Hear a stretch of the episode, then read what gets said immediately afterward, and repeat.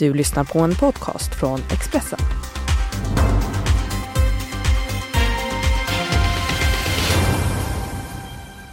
På den 2271 dagen återuppstod Nyamko Sabuni. Men blir det hon som ska frälsa Liberalerna? Vem är politikens hare och vem är politikens häxa? Idag, kära lyssnare, blir det påskspecial här i Politikpodden. Och de jag har med mig idag för att dela ut ägg och kanske skicka folk till Blåkulla är Expressens kulturchef Karin Olsson. Välkommen Karin! Tack så mycket. Och eh, grattis till det nya jobbet. Viktor Bart Kron som lämnade Dagens Nyheter för tidskriften Kvartal. Tack så mycket, tack. Är det roligt? Det är jättekul. Mm. Bättre betalt? Det har jag inga kommentarer till. Du, eh, Viktor, du skrev igår eh, på Twitter. Själv vill jag ha god hälsa, tre enhörningar och en vd-mässig konstnärslön. Som ett svar på Helene Fritzons S vill tvinga Ungern att ta emot flyktingar. Hur tänkte du där? Ja, att det är alltid kul att kunna önska sig saker. Men det är ju kanske bättre egentligen om de är genomförbara. Alltså jag vet inte hur många år vi har hört det här nu från Socialdemokraterna. Det känns smått parodiskt att man går till val på det. När det, här, det, här är ju sossarnas inte... toppkandidat också. I... Ja, det är det. Och det ska sägas, det är inte bara Socialdemokraterna som driver frågan på det sättet. Det borde ha framgått nu att den här typen av flyktingmottagande fördelat enligt någon form av kvot över Europa som, som man pratar om, det kommer inte att hända. Därför att det finns alldeles för många länder i Europa som inte vill gå med på det. Och sen kan man också diskutera hur genomförbart det är. För det hon i praktiken säger är att man ska tvångsförflytta alltså man ska, om folk tar sig till Sverige för att de vill komma till Sverige, då ska man då med våld forsla dem till ett land som absolut inte vill ha dem där och där de själva absolut inte vill vara. Och sen måste man ju då, om man ska löpa resonemanget ut, så måste man ju då tvinga kvar de här människorna där. Så mm. det, det, det, är inte så imponerande kan jag tycka. Nej, men det var i alla fall, ska i alla fall ha varit sant det där som sades. Annars kunde man undra, för det som hände här, eh, har hänt i dagarna då, det är att Socialdemokraternas officiella Twitterkonto blev kapat. Vi kunde där läsa meddelande om att Stefan Löfven skulle avgå som statsminister och att eh, vi hade slopat kronan och nu var det bitcoin som gällde. Gick ni på det här, Karin Olsson? Ja, jag är inte sån trogen följare av Socialdemokraternas konto så att jag märkte det bara via nyheterna. Mm. Alltså det här var ju en väldigt dålig kapning. För att Ja, alltså, det var, vad hade man velat läsa? Det hade ju varit roligt om man hade gjort det subtilt. Helst så att det inte ens hade märkts, nästan inte, förrän det blev lite, lite, lite mer absurt för varje timme kanske. Det hade varit kul. Är det inte allvarligt då? Vad säger de IT-säkerheten på partierna, tänker jag?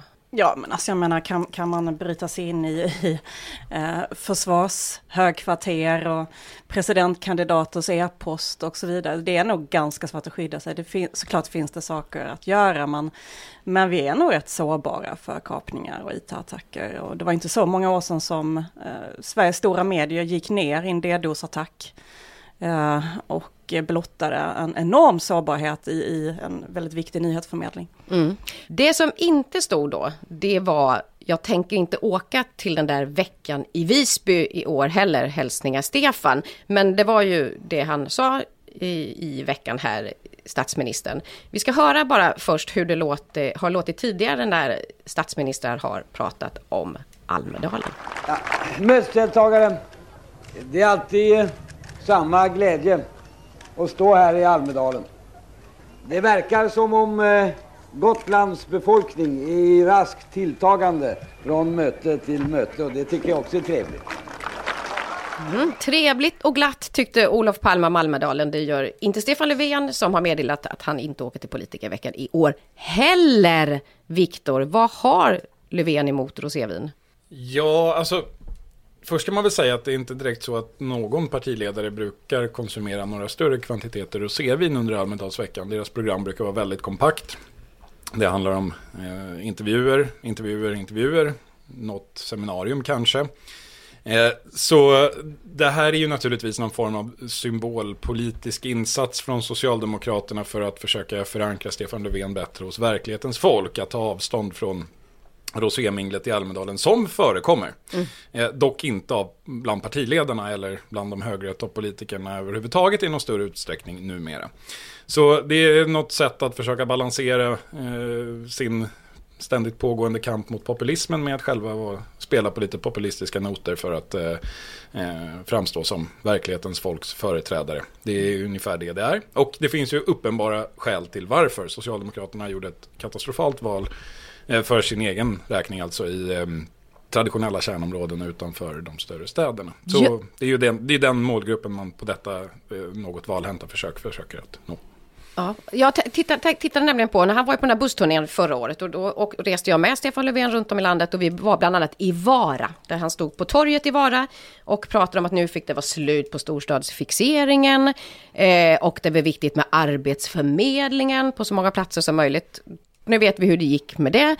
Men vi vet också, jag kollade hur det har gått med siffrorna för S. I Vara tappade då eh, Socialdemokraterna från 30 procent till 24 i Vara efter Stefan Löfvens besök. Karin, vad ska vi dra för slutsatser av det?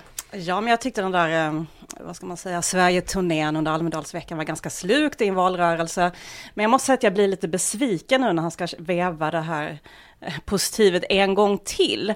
Tänk om han istället hade kommit till Almedalen, hållit ett tal om att han inte ställer upp på den där populistiska retoriken om eliten och folket och aldrig mötas de två, utan istället hålla tal om klassresorna Sverige som han själv är en del av, där många i publiken i Almedalen också är en del av. Och jag menar i Visby under den veckan så finns ju också den minsta lilla folkrörelserna där till de stora.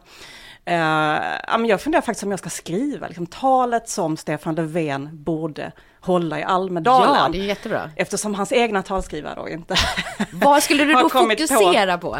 Nej men då skulle jag fokusera på att Sverige fortfarande har en av de högsta, den högsta sociala mobiliteten i världen. Eh, och att det just möjliggör att folk kan gå från att vara eh, Eh, fosterhemsplacerad som Stefan Löfven till faktiskt bli statsminister. Eh, och hur fortfarande, jag menar, Stockholm är ju fullt av massa lantisar som har gjort en klassresa. Och de åker till Almedalen. Alltså jag, jag tycker att han borde liksom bryta med den där populistiska figuren om en, en elit och ett folk. Mm, Viktor? Alltså nu är ju den här målgruppen som man försöker att nå, det är ju de lantisarna kanske som inte åkte till storstan och sen till Almedalen. För de röstar redan på Centern, eller Miljöpartiet. Eh, och det är väl inte fel tänkt av Socialdemokraterna. Det finns väldigt många, eh, en väldigt stor andel av det svenska folket som inte bor i Stockholm. Men eh, det här visar, du var ju inne på det där i början, även om du inte riktigt tog resonemanget fullt ut, man, att det är en skillnad mellan retorik eh, och sådana här småpopulistiska maner och verkligheten. Eh, I det här fallet så nämnde du Arbetsförmedlingen och den ska ju nu avvecklas mm. i större delen av, av det glesare bebyggda Sverige det är väl det här som är Socialdemokraternas problem. Nu har man försökt det här maneret inför tre raka Almedalsveckor. Än så länge tyder ingenting på att det hjälper och det beror ju naturligtvis i så fall på att det inte är eh, gester och symboler i media som avgör det här utan hur folk upplever utvecklingen i samhället på marken. Eh, så det vore nog, oavsett om han åker till Almedalen eller inte, så vore det kanske klokt om partiet ägnade sig lite mindre åt sådana här, sån här smarta kampanjtricks och mer åt att försöka analysera vad man rent sakpolitiskt kan förändra om man nu vill ha tillbaka de där väljarna man har förlorat. Jag tror inte att ens tio års Almedalsbojkotter kommer att, att räcka för den saken. Det handlar om helt andra saker. Men du, han, han använder då också i, i, sin motivering här till varför han inte ska åka då, att, att han vill att Almedalen ska tillbaka till det som det var på Palmes tid och på Olof Palmes tid. Söp de inte ännu mer på Palmes tid, politikerna? Det vet inte jag.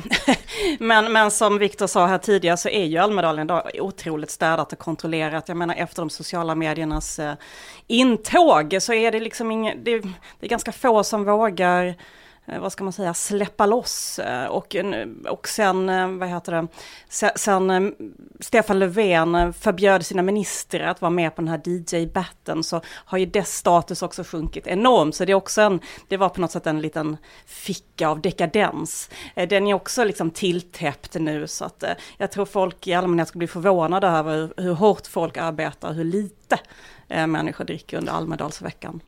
Nu ska vi gå rakt på nästa ämne och då menar jag verkligen rakt på. Jag vet inte hur många statsråd som får av opolitiska tjänstemän många år senare höra du var den bästa chefen vi hade. Så roligt och lycka till, hoppas du blir partiledare för Liberalerna. Ja, Viktor Bart Kron, det här var från Kvartal ju. Mm. Och det här är Nyamko Sabuni och jag undrar vad händer? Ska inte en kandidat säga nej och nej och nej tre gånger och sen kanske? Vad håller hon på med? Jag tror att man får se det här lite som ett Vasalopp. Alltså det, det normala i svenska partiledarstrider, om man nu kan kalla dem så, är ju precis som du är inne på att man ligger väldigt lågt och väntar och mobiliserar i skymundan för att framstå som ödmjuk och sen kliver man fram när man vet att man har vunnit i princip.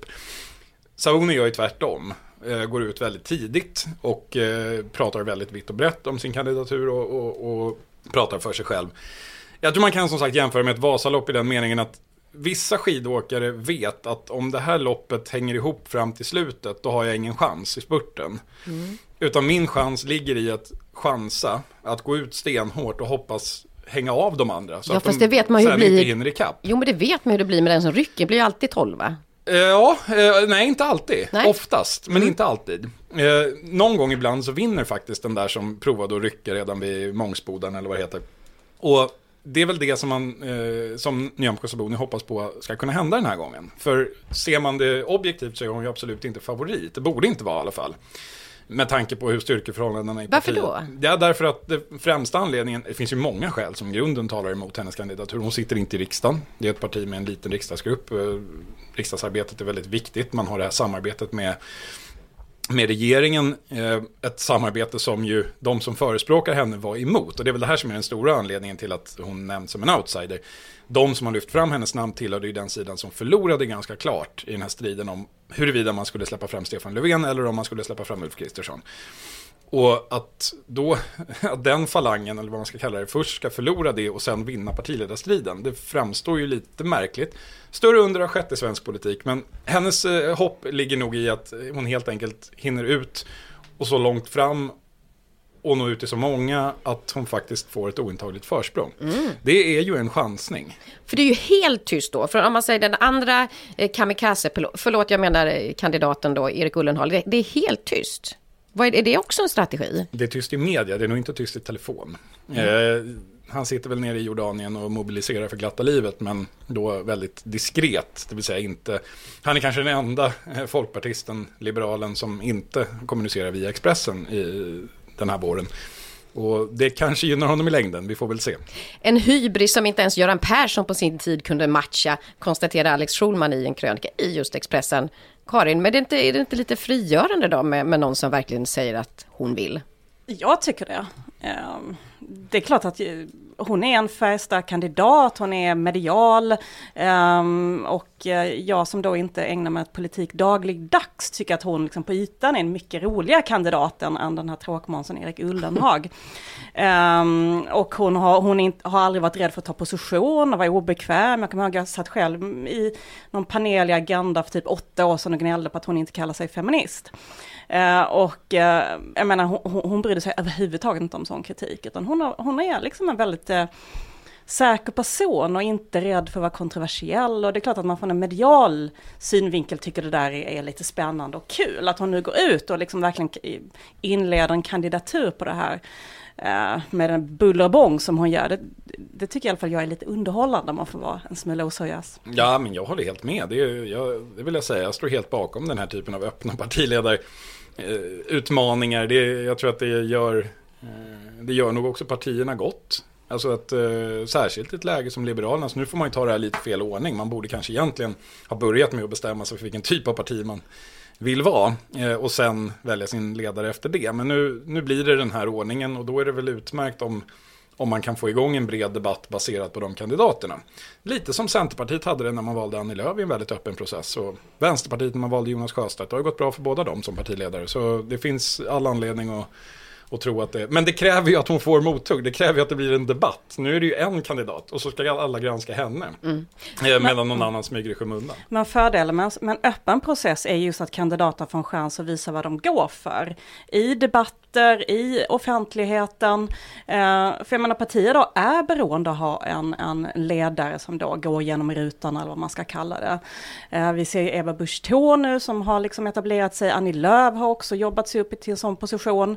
Eh, Ehm, ingen av dem var ju några succéer från början, men man kanske såg någonting, att de hade en potential tidigt. Och, och jag menar om, om, om man då skulle jämföra Erik Ullenhag och eh, Nyamko Sabuni, då är det inte snack om vem det är som har karisma och eh, eh, som känns intressant att titta på. Men kan man i det här läget, jag tänker på en annan kvinna då som vi har haft sett i partiet som har försvunnit nu då, eh, Birgitta Olsson säger att hon stod väldigt långt till vänster, Nyamko Sabuni väldigt långt till höger.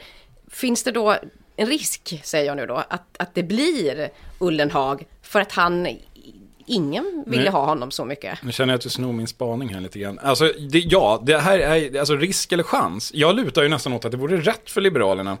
Alltså, det är ju, som, det är ju helt sant. Det finns en person i, i Liberalerna som är djupt populär eh, överallt utanför partiet till vänster, det är Birgitta Olsson. Och så finns det en som är oerhört populär utanför partiet till höger och det är Nyamko Sabuni. Och sen finns det en person som ingen utanför partiet förstår överhuvudtaget, eh, men som alla i Liberalerna verkar tycka om och det är Erik Ullenhag. Men han är ju jättetråkig, säger ju Karin Olsson. Ja, men det, ja, det är enligt vad ni har sett hittills. Jag vet inte, det, det, det kanske är min bild också, men det är ju någonting i det här att ska man försöka vara någonting, och om det nu är så att det här är Erik Ullenhags persona, eh, politiska framtoning, är unikt folkpartistisk. Jag använder det ordet, för man kan inte säga liberal på det sättet.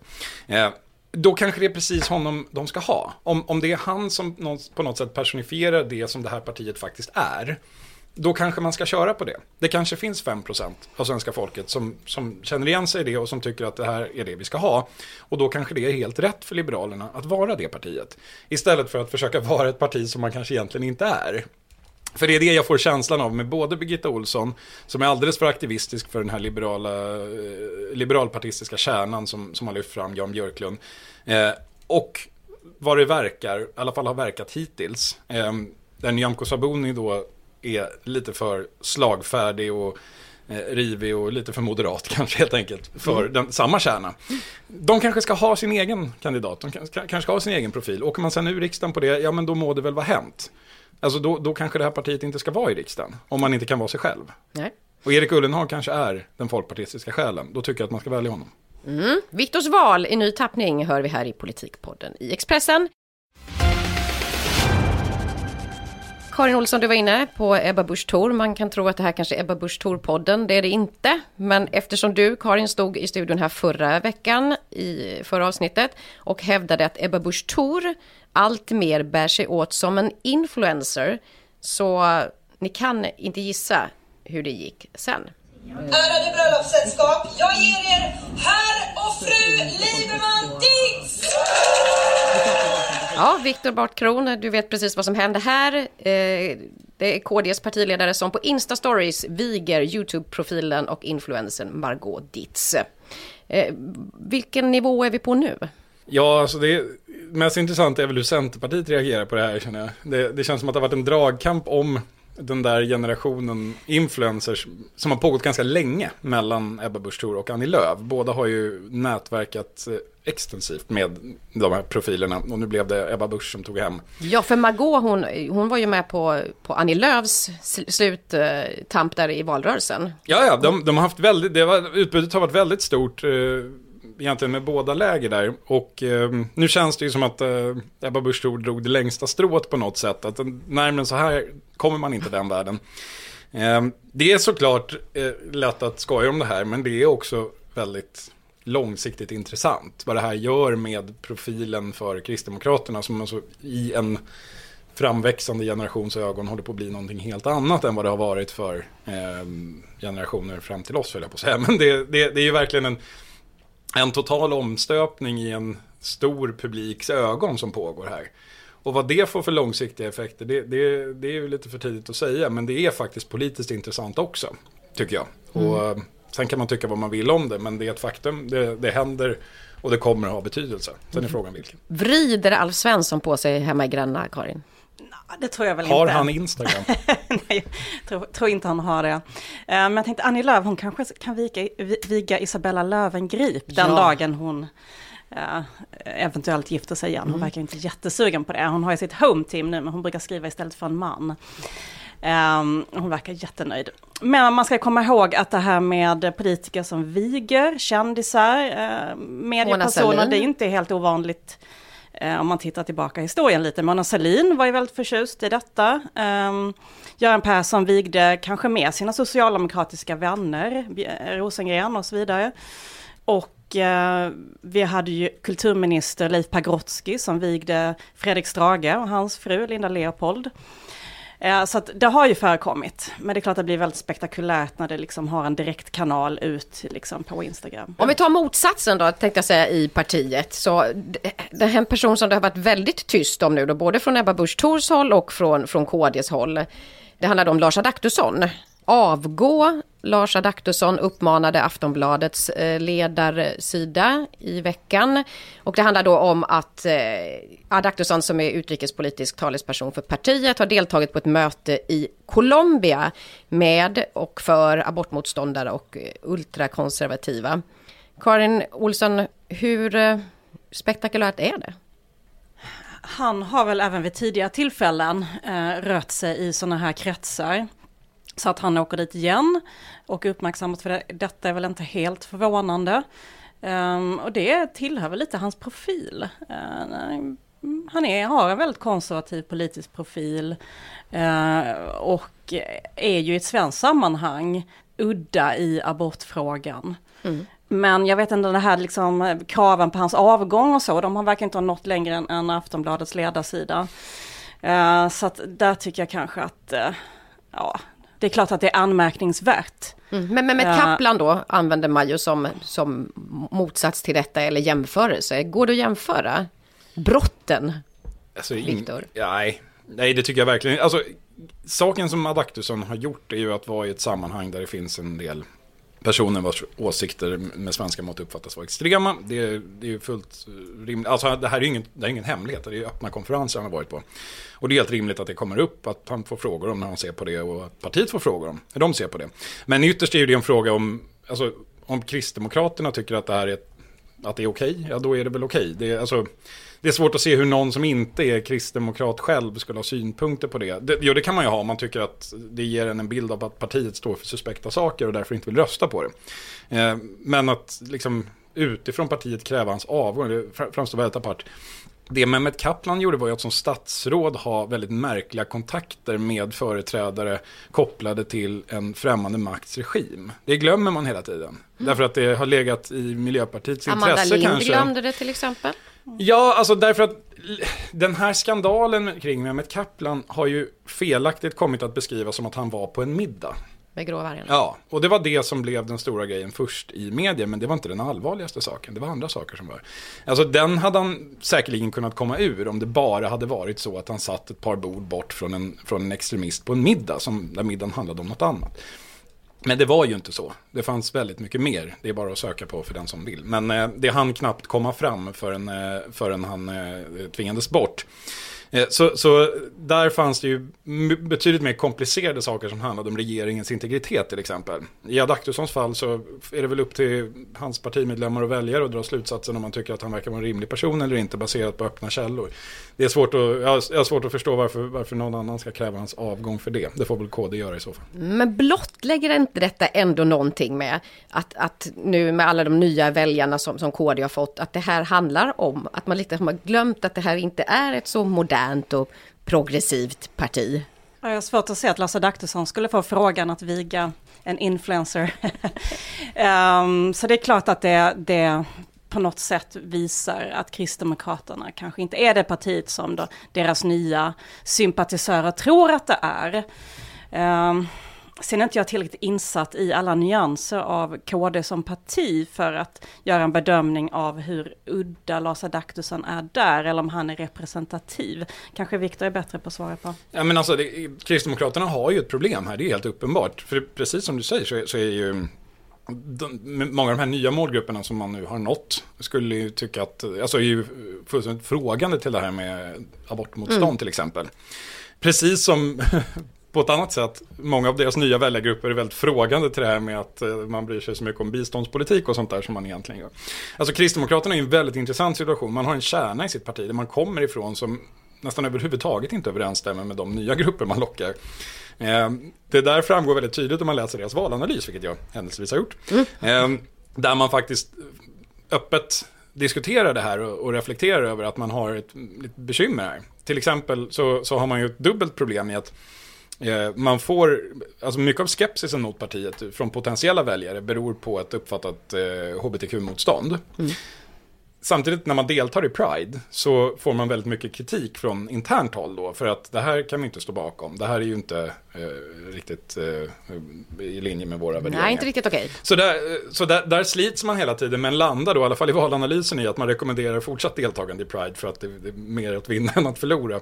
Jag, jag tror att det är ett parti som, som trots att det går väldigt bra brottas ganska mycket med sin identitet och var, Mm. var tyngdpunkterna egentligen ska ligga. Och nej, men självklart det här, de här kopplingarna som, eh, till, alltså som Adaktusson bjuder på här, det är ju det är absolut inget som, som kommer att öka deras röststöd om man säger så. Sen kan man ju fråga sig om det har någon större betydelse överhuvudtaget. Men alltså, den bilden är ju en fiende till ett växande KD. Så är det. Ehm, Men å andra sidan så kanske den välkomnas av en mycket liten kärna i partiet. Det är svårt.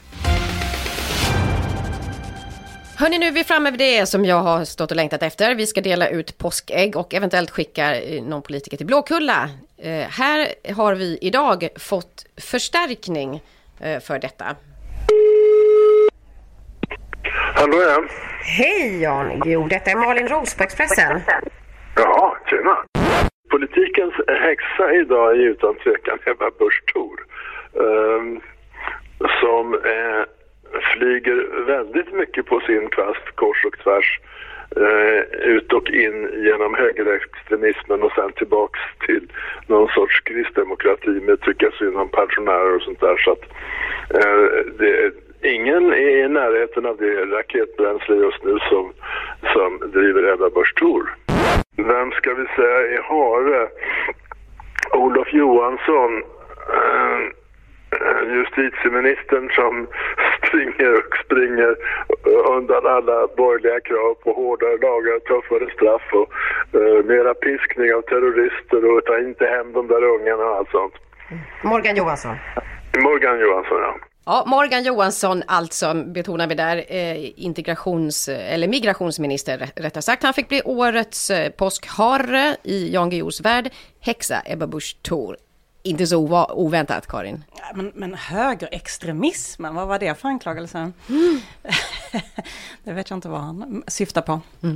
Viktor, vad säger du om, om Jan Guillous häxa? Det var väl oerhört väntat. Mm.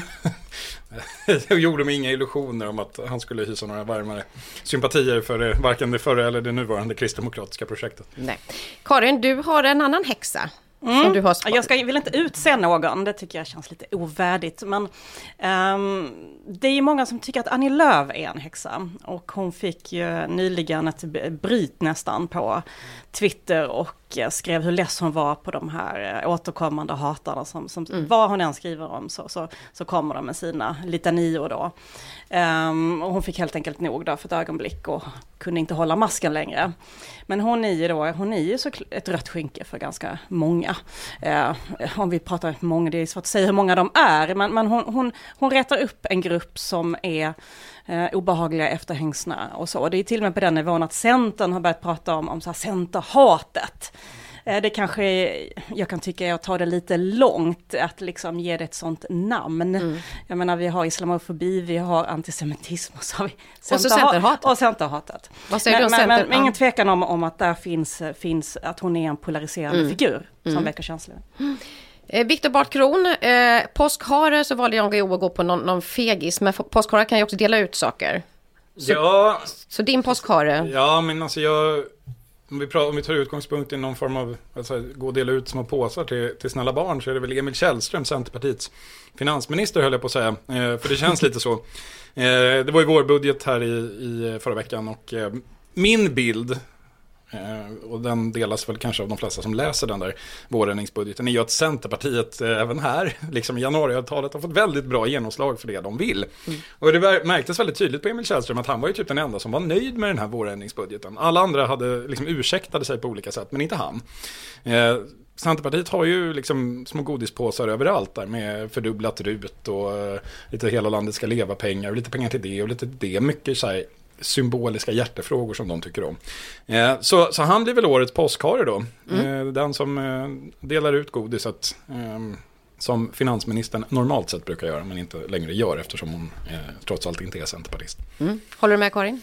Ja, om jag står här och tänker på Emil Källström, alltså nu när vi har pratat så mycket om Eva Busch Thors utseende, det var en utskälld kulturartikel i Aftonbladet av Caroline Ringskog Ferrada Norli. Ja. Och så var den här gamla Lisa Pelling-artikeln som också pratade om hennes utseende. Men jag menar, om vi nu ska vara ett jämställt samhälle, varför pratar ingen om Emil Källströms Utseende. uppenbarelse som en nyckel till Centerns stora framgång? Mm, det är Enligt Kjell. samma logik då, det är, observera, jag bara drar ut eh, linjen här. Precis, vi bara vidgar vyerna och ber lyssnarna att bildgoogla Emil Källström. Och där har du problemet till varför man inte pratar om det. Det är helt enkelt inte så många som känner till det. Vi har ett, eh, tyvärr kan man ju säga, men ett extremt partiledarfokus i det här landet. Så eh, Men har man sett honom en gång på tv så glömmer man det aldrig. det står för dig.